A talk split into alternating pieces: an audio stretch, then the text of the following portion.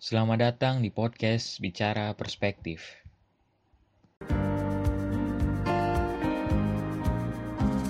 Boleh perkenalan dulu deh mas, Mas Zaid nih, silahkan. Oh ya. Ya. Hai, saya Zaid. Terus saya kebetulan dapat kesempatan eh, mengajar di Pegunungan Bintang, Papua.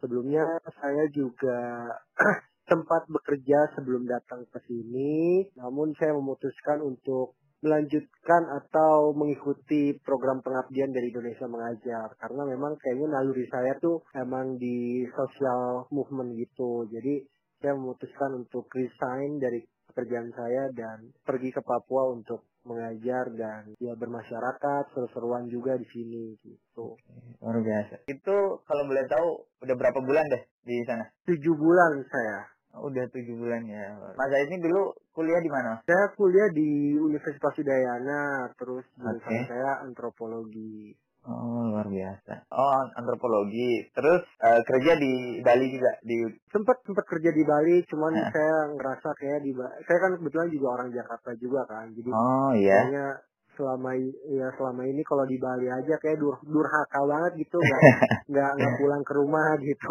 Jadi ya ya udah saya memutuskan untuk pulang ke rumah. Ya, syukurnya saya sempat bekerja juga di Jakarta gitu. Eh, setelah bekerja ya saya rasa kok kayak gini-gini aja ritme hidupnya gitu. Pulang kerja ngantor terus balik lagi sore atau malam gitu. Kayak ya ya nggak nggak biasa aja gitu kayak nggak ada nilai lah di hidup saya gitu. Jadi Mm. kebetulan ada Indonesia mengajar dan lagi buka open recruitment gitu. Terus saya cari tahu juga bagaimana Indonesia mengajar bekerja dan saya rasa kayaknya cocok dengan diri saya ya. Saya coba daftar dan akhirnya dari 6.000 sekitar 6.099 orang Iya. dan saya jadi salah satu bagian dari Indonesia mengajar saat ini. Itu berarti angkatan berapa, Mas? Saya angkatan 19. Angkatan 19 ya. Sebenarnya Indonesia mengajar itu awal mulanya yang gagas siapa ya? Yang Pak Anies Baswedan bukan sih? Dulu. Iya betul, betul, Iya. Ah, betul. Awalnya memang dari Anies, Pak, Pak Anies Baswedan sebelum memang menjabat atau terjun ke dunia politik gitu. Ah, iya. Namun saat ini kan udah udah terjun ke dunia politik, jadi memang Yayasan Indonesia Mengajar sendiri udah tidak ada eh, hubungan langsung dengan Anies Baswedan. Oh, Cuman iya, mungkin iya. hanya memberikan memberikan motivasi-motivasi aja kalau misalnya kita eh, kami dari pengajar muda yang mau diberangkatkan biasanya suka ditemuin tuh sama Pak Anies untuk diberikan ujangan-ujangan lah gitu. Oh, oh. Prinsip apa yang harus dipegang selama di penempatan gitu. Oh iya iya iya. Oke keren. Ini selama tujuh bulan di sana gimana nih mas? Zaid? Eh, awal mula pasti beda dong dari tradisi budaya masyarakat di sana dengan di Bali atau di Jakarta. Menyesuaikan diri di sana gimana awal mulanya? Wah, gila itu seru banget sih bagian itu gitu. Karena kan emang nggak pernah terbayangkan kan bisa terjun atau tiba di Papua gitu.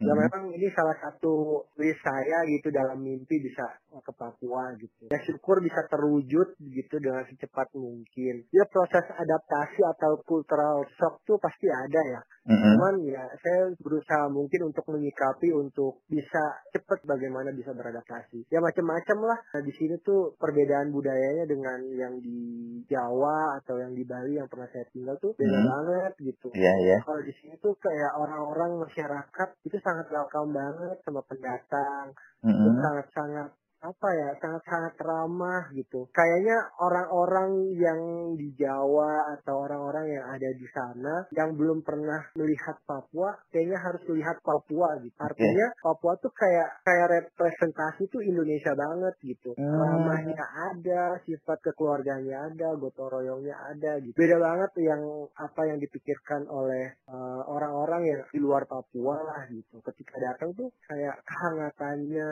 keramahannya itu jadi buat diri saya tuh jadi cepet untuk beradaptasi di di sini Oke keren. Saya tertarik nih ya. Mohon maaf sebelumnya di lebih tepatnya di Papuanya di mana nih Mas saya saya di Pegunungan Bintang Ah, itu kalau di Papua itu ada ada kabupaten kota gitu nggak sih? kabupaten kota tuh ya Oksibil gitu jadi Pegunungan Bintang kotanya Heeh. kota Oksibil gitu Oh iya iya iya. nah kalau misalnya kalau misalnya di di peta tuh mungkin nggak ada kali ya gitu. Jadi eh, harus harus harus naik pesawat tuh sekitar dari Jakarta ke Papua dari eh, ke Jayapura dari Jayapura naik pesawat perintis kecil itu Hmm. baru bisa nyampe kota Oksidil ini atau pegunungan bintang kabupaten.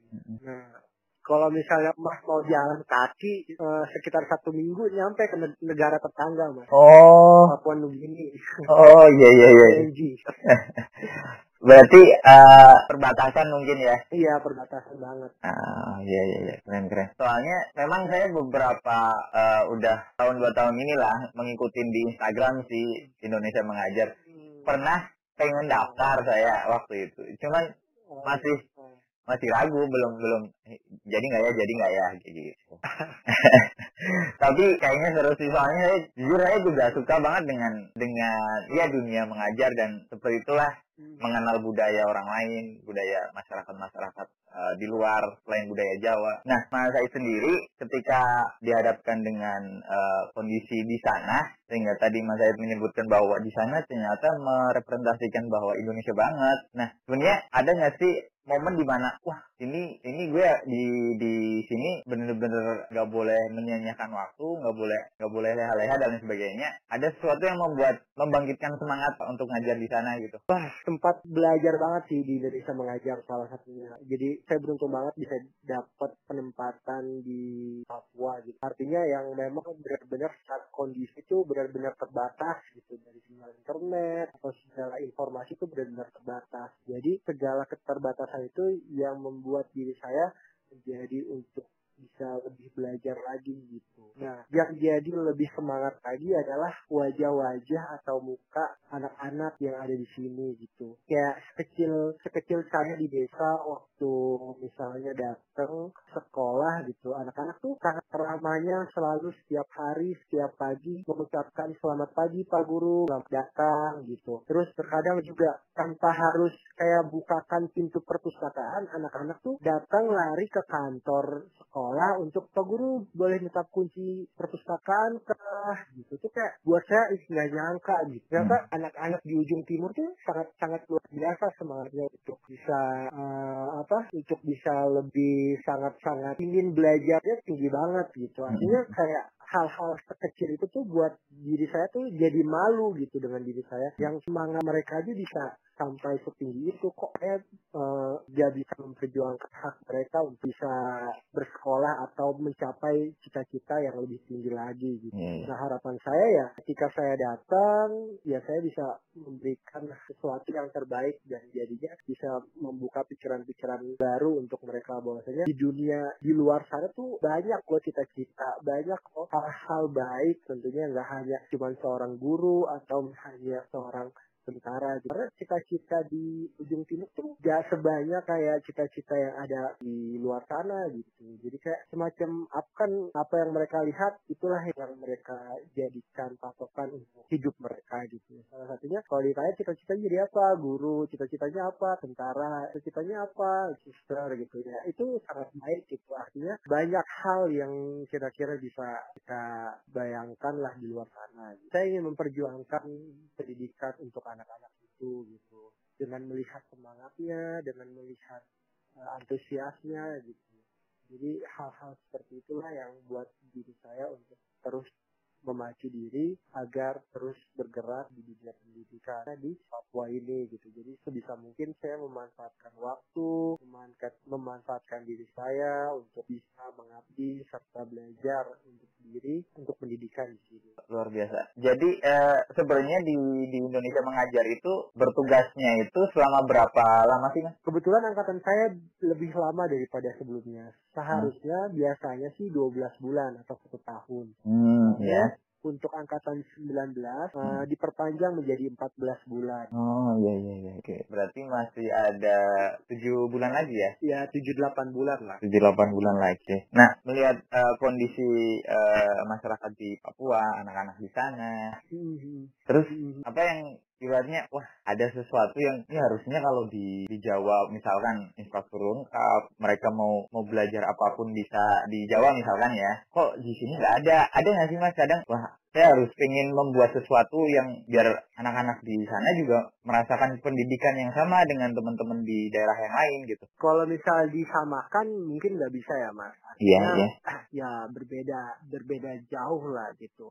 Mm. Saya sebisa mungkin sih untuk bisa memanfaatkan kondisi atau segala hal yang ada di desa atau lingkungan. Ya artinya harus kontekstual dengan apa yang ada di desa. Apa yang ada di desa, apa yang ada di sekolah itulah yang dimanfaatkan untuk media pembelajaran. Mm. Ya sesederhana ranting atau sesederhana bunga-bunga atau sesederhana batu-batu itu bisa dimanfaatkan untuk media belajar hitung-hitungan atau sesederhana yang ada di ruangan kelas itu bisa dibuat hal-hal kreatif lah gitu. Misalnya dengan menggambar atau dengan uh, memanfaatkan papan tulis jadi uh, apa yang menarik lah gambar yang menarik yang menjadi um, ke anak-anak pun juga senang gitu belajarnya. Jadi ya meskipun segala keterbatasan itu pasti ada segala tantangan itu pasti ada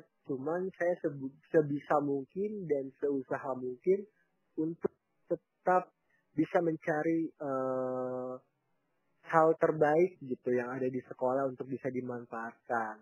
Ya saya memanfaatkan sesederhana memanfaatkan uh, lingkungan atau alam sekitar sebagai media pembelajaran untuk anak-anak Ya, gitu sih mas. Hmm, nah, berarti uh, di sana terkadang kan kita ngelihat uh, boleh uh, mungkin ya sedikit mengomentari tentang uh, stigma orang-orang di luar sana terhadap anak-anak Papua, orang-orang Papua, orang-orang Timur lah ya.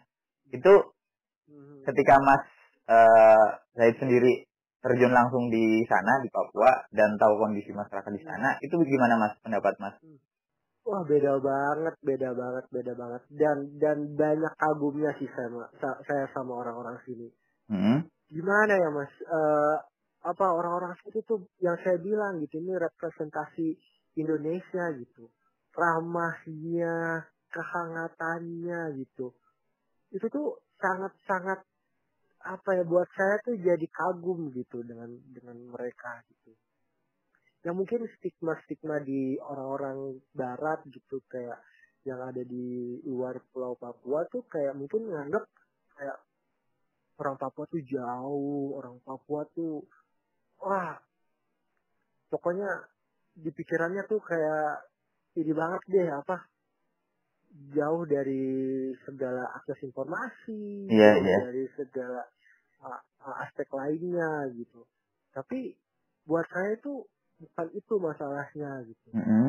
Meskipun mereka jauh dari uh, segala akses informasi atau keterbatasan uh, informasi, tapi uh, di dalam diri mereka tuh kayak ada nilai-nilai yang buat uh, pendatang khususnya kayak saya itu jadi sangat nyaman untuk tinggal berhari-hari atau berlama-lama di Papua sini gitu. Karena ya yang saya rasakan itu sangat luar biasa gitu apalagi kayak ada di sini namanya istilahnya salam yepmum Iya. Yeah. jadi kalau misalnya bisa dicari di Google yepmum buat mereka tuh kayak assalamualaikum dari Islam gitu mm -hmm.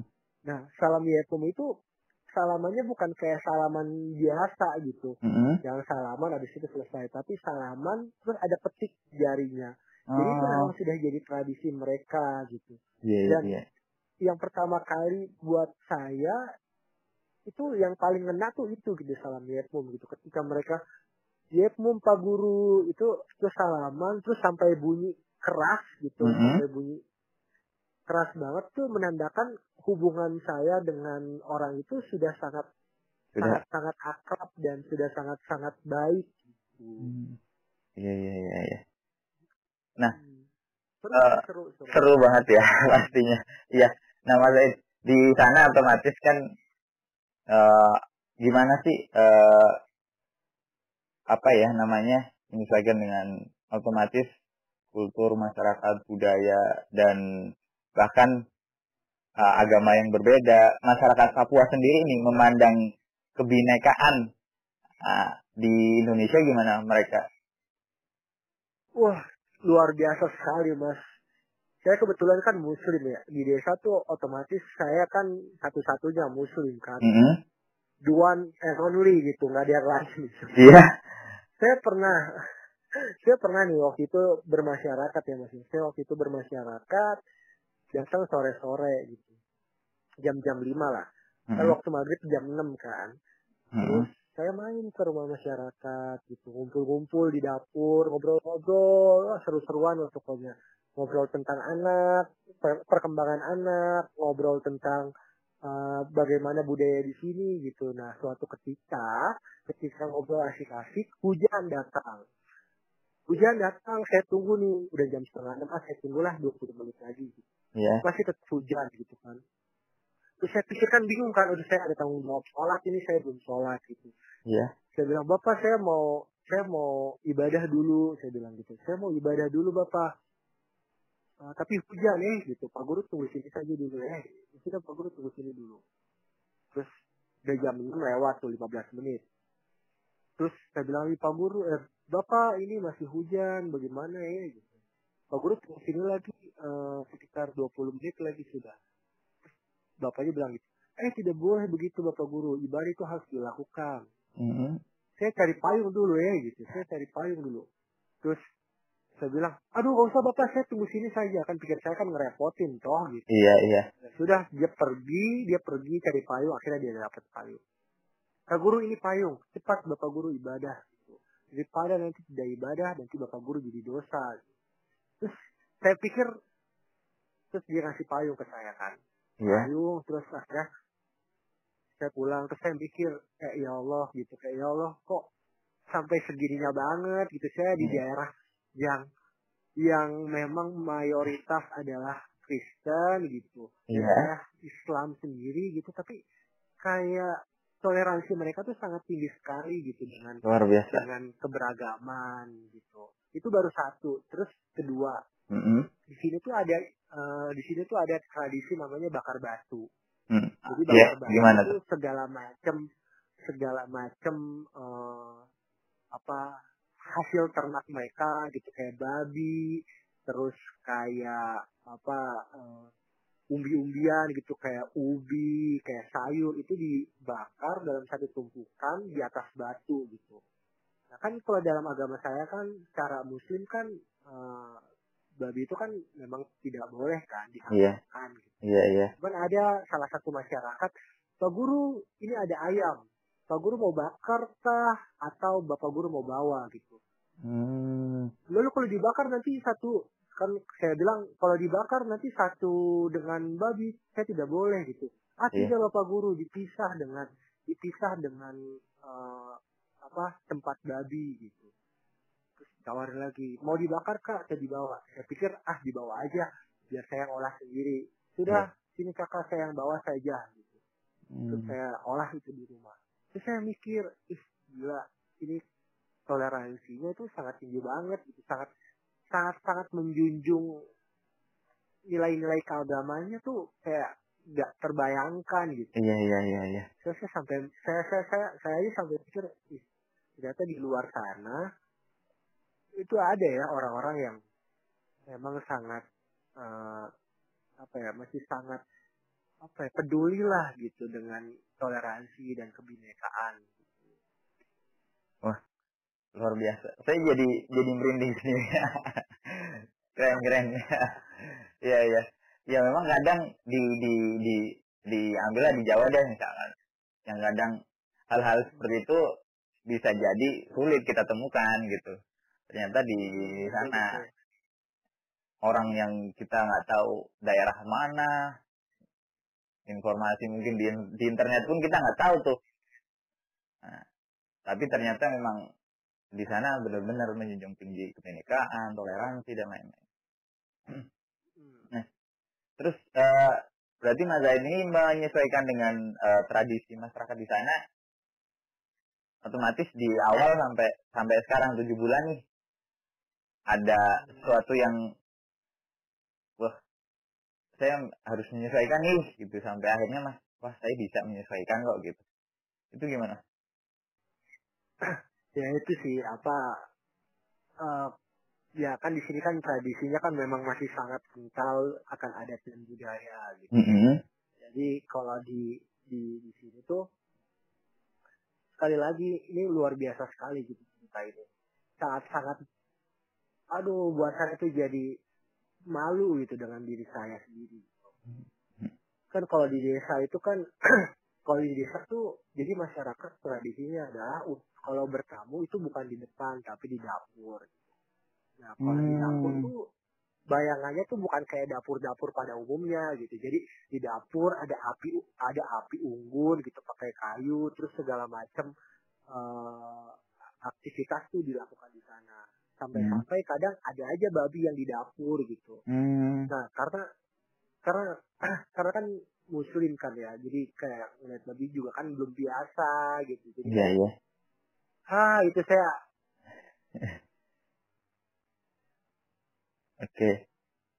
bisa apa beradaptasi dengan cepat dan bisa eh, membaur dengan masyarakat. Artinya dengan cara-cara seperti itu tuh saya dapat bisa dipercaya sama masyarakat gitu. Dengan hal-hal dipercaya dengan masyarakat itu saya bisa eh, memberikan eh, apa ya nasihat atau memberikan eh, motivasi ke masyarakat atau ke anak ke anak-anaknya untuk eh, bisa berpendidikan atau bisa eh, melewati pendidikan yang lebih tinggi lagi gitu. Tidak hanya sekedar di SD atau tidak hanya sekedar di SMP atau di SMA saja. Nah. dengan melakukan hal-hal seperti itulah yang buat saya jadi oh harus mau nggak mau harus bisa nggak bisa harus bisa mau nggak mau harus mau gitu karena ya buat saya itu adalah bentuk perlawanan diri agar bisa eh, berbaur dengan masyarakat.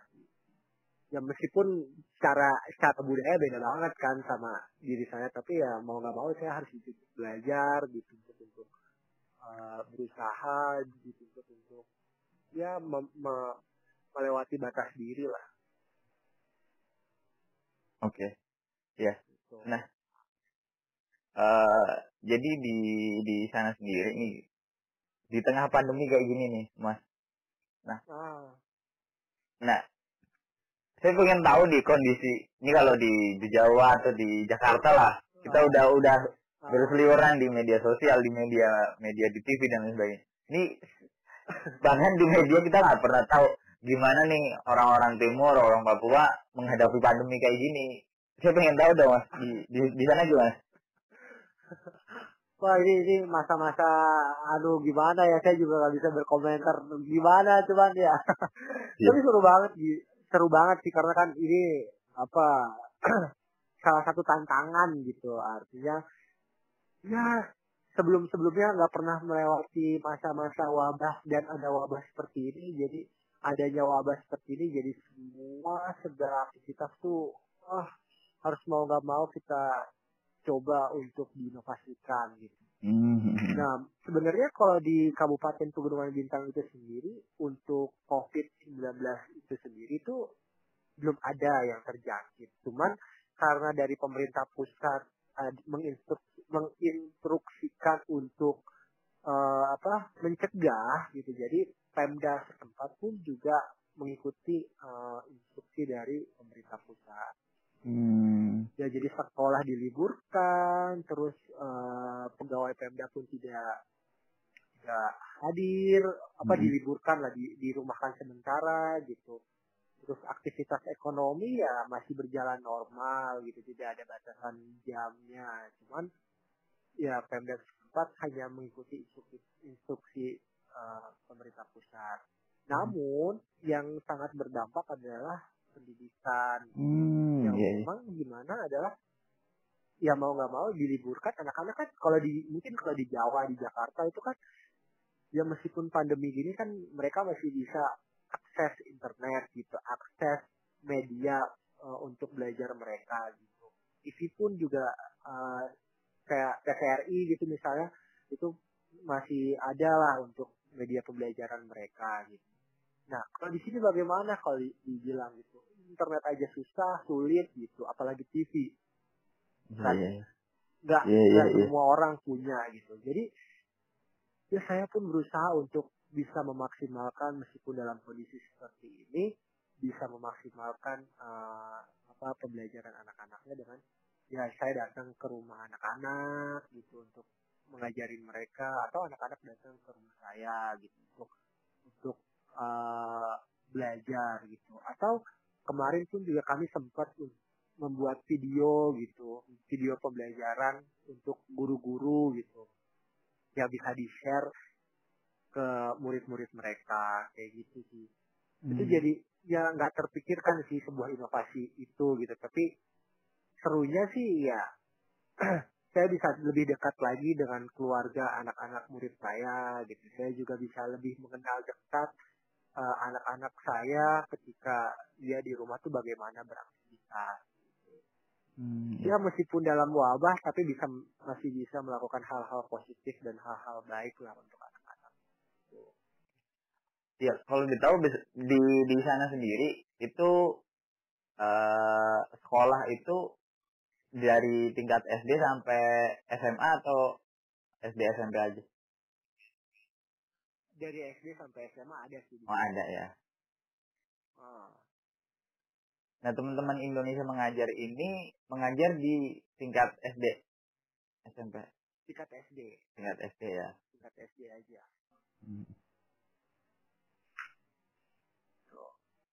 Berarti memang dampak yang paling terasa itu di dunia pendidikan ya. Apalagi di sana. jelas ya, harus harus berputar otak cari inovasi biar anak-anak tetap belajar gitu.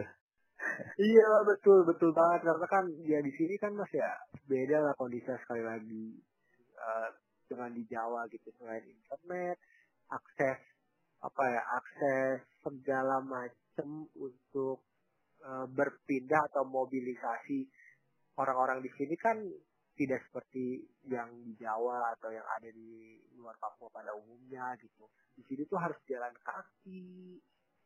Bayangkan kalau saya tuh ke desa desa saya tuh ya masih sedikit dekat lah dengan kota gitu. Tapi harus jalan kaki dulu sekitar ya sekitar 60 menit lah kurang lebih. Dan jalan kakinya tuh tidak kayak jalan biasa jalan santai gitu. Naik Iya. gunung benar-benar naik gunung gitu ini baru desa saya mungkin ada lagi lebih jauh lagi desa desa teman saya itu desa Pepera itu lebih jauh lagi sekitar 4 jam sampai 5 jam mereka jalan gitu. Ke kota ya. Dan itu pun juga naik gunung, naik gunung, lewatin apa sungai, lewatin jembatan. Wah, itu sih terbatasnya. Tapi ya kita meskipun dalam kondisi terbatas atau dalam kondisi eh, ya dalam wabah seperti ini masih sebisa mungkin dan seberusaha mungkin untuk eh, melihat hal-hal positif yang bisa kita lakukan. Jadi eh, selama ini kadang kita nggak tahu nih sebenarnya di di di sana seperti apa kondisi Medan secara geografis gimana, masyarakat gimana. Nah, pernah nggak sih Mas terpikirkan buat mencoba membuat film dokumenter lah atau apa gitu? Eh, sempat sih kepikiran mas, cuman aduh kalau buat pikiran ke sana kayaknya nanti dulu sih, Iya. udah dulu lah gitu. Iya iya iya. repot gitu maksudnya udah ngurus Hmm. anak-anak gitu udah Hmm. udah mikirin anak-anak untuk apa sekolahnya untuk pendidikannya gitu tapi mikirin diri sendiri tuh untuk uh, kayak hal-hal kecil atau buat film dokumenter tuh buat diri pribadi tuh kayak aduh nanti dulu deh Nanti dulu deh. gitu. Iya iya. Ini kapan-kapan aja gitu ini yang penting buat anak-anak Papua aja dulu ini murni untuk pengabdian programnya Hmm. kan saya datang prinsip saya datang sebelum sebelum ke sini saya berprinsip saya datang untuk mengabdi saya datang untuk belajar saya datang untuk bisa memberikan yang terbaik untuk jadi untuk mentingin diri sendiri itu kayaknya masih eh, Masih ya masih jauh lah Jauh, gitu. ya mungkin kalau misal ya kalau ya kayak di media sosial saya gitu misalnya kayak uh, apa di Instagram gitu ya mungkin itu Mhm. hanya hal-hal baik yang yang bisa saya share sedikitnya gitu Mhm. jadi ya nggak nggak terlalu banyak untuk apa berpikir untuk buat buat film kayak gitu atau apa diri sendiri gitu tuh kayak masih jauh lah. Oke. Okay. Uh, eh, boleh boleh disebutkan nggak mas nih nanti setelah mungkin setelah tujuh bulan delapan bulan selesai di situ nih oh.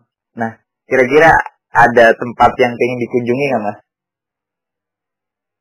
wah gila banyak banget mas sebenarnya ya Papua secara indah banget memang alamnya mm-hmm. gunung-gunungnya tuh indah banget memang. Kalau dikasih kesempatan gitu setelah penempatan setelah selesai masa tugas atau masa bakti ini saya pengen banget sih tiga tempat yang saya kunjungin Raja Ampat terus Danau Sentani terakhir bandara udahlah cukup. Bandara Jayapura gitu udah udah ingat pulang gitu. Iya iya. Oke oke. Nah tapi uh, komunikasi dengan keluarga masih tetap ya Wah, yeah. masih harus dong itu. Iya. Malah semakin makin jauh penempatan semakin rajin saya nelpon. Berarti keluarga di Jakarta ya? Iya, keluarga di Jakarta. Iya.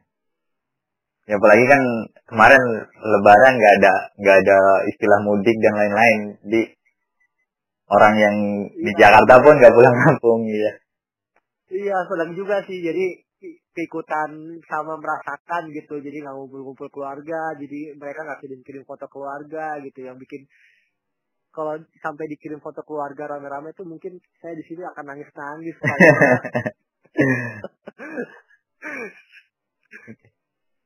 uh, oh, boleh disebutkan mas uh, idola dalam hidup Mas ini sendiri siapa? Uh, saya senang banget kalau misalnya dikasih kesempatan ketemu ya, saya bukan yeah. mengidolakan, tapi saya lebih uh, kesempatan ketemu tuh saya pengen banget ketemu atau dimentoring oleh uh, Handri Satriago. Jadi Handri Satriago adalah uh, salah satu CEO uh, perusahaan multinasional gitu di Indonesia. Kenapa saya mengidolakan beliau atau ingin bertemu lah, ingin bertemu dengan beliau tuh, beliau tuh sangat luar biasa gitu, secara leadership, secara pemikiran dan secara apa ya, secara Eh, nilai-nilai yang dia beliau pegang tuh luar biasa gitu. Bayangkan dia adalah salah satu disabilitas gitu dengan kursi roda, tapi bisa memimpin perusahaan multinasional, bisa uh, memberikan yang terbaik lah untuk Indonesia khususnya dan membanggakan Indonesia gitu. Dengan dengan segala keterbatasannya, beliau masih bisa uh, apa ya bisa teguh dan berani lah untuk mengambil sebuah keputusan atau bisa mengambil sebuah langkah yang memang benar-benar bijak. Itu luar biasa banget sih. Saya saya saya memang mengikuti beliau tuh sudah lama sekali gitu. Sampai sempat saya ketemu beberapa uh, pertemuan di seminar atau di uh, apa uh, upgrade upgrade skills gitu di Jakarta gitu pemikiran itu saya saya sangat saya sangat sangat kagumi lah gitu.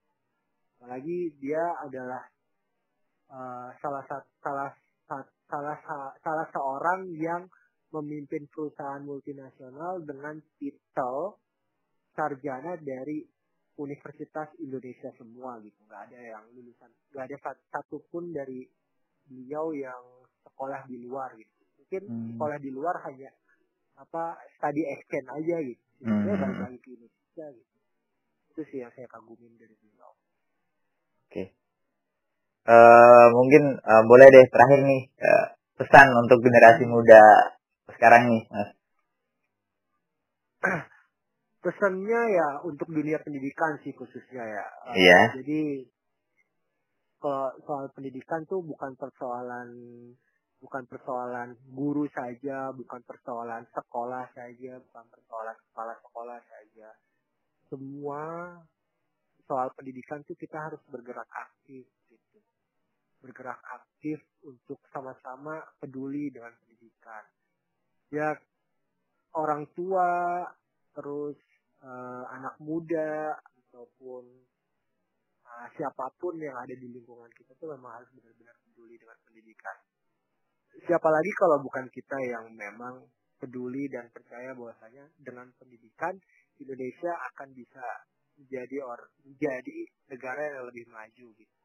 Dengan bisa dengan dengan pendidikan lah peradaban yang ada di dunia ini bisa uh, bertumbuh dan bisa maju gitu dengan dengan dengan hal-hal seperti itulah Indonesia akan benar-benar dipercaya dengan negara yang kuat. Gitu. Nah, pesannya untuk untuk anak-anak muda Indonesia, yuk sama-sama gitu, yuk bergerak bersama pendidikan di Indonesia, yuk peduli bersama untuk pendidikan yang ada di lingkungan sekitar, yuk bersama-sama memajukan dan percaya dengan sumber daya manusia atau SDM yang ada di Indonesia ini. Jangan menganggap uh, sebelah mata, jangan melihat covernya saja, tapi lihatlah kemauan dan dan ketulusannya untuk mau memajukan dan bergerak bersama untuk pendidikan di Indonesia. Oke. Okay. Uh, Oke okay, mungkin cukup ya Mas ya. Sungguh menginspirasi. Oh. Ya mudah-mudahan nanti uh, di lain kesempatan bisa nah, ya kita bisa ya silaturahmi lah. Atau mungkin bisa siap siap, oke. Okay. kolaborasi. Thank you juga nih mas ya. Iya nah, iya. kolaborasi kapan-kapan next juga bisa lah. Oke okay, siap siap. Oke okay, sebelumnya terima kasih banyak pokoknya mas. Nah, oke. Okay. oke okay, yaudah selamat okay, siap. selamat uh, mengabdi di tanah Papua mudah-mudahan uh, sehat selalu nih buat teman-teman di sana salam juga buat mungkin anak-anak di sana. Oke. Okay. Ya, siap, siap. Oke. Okay. Terima kasih ya. Uh, Oke, okay, Oke, okay, thank you, Oke, okay, sama-sama. Ya, selamat malam.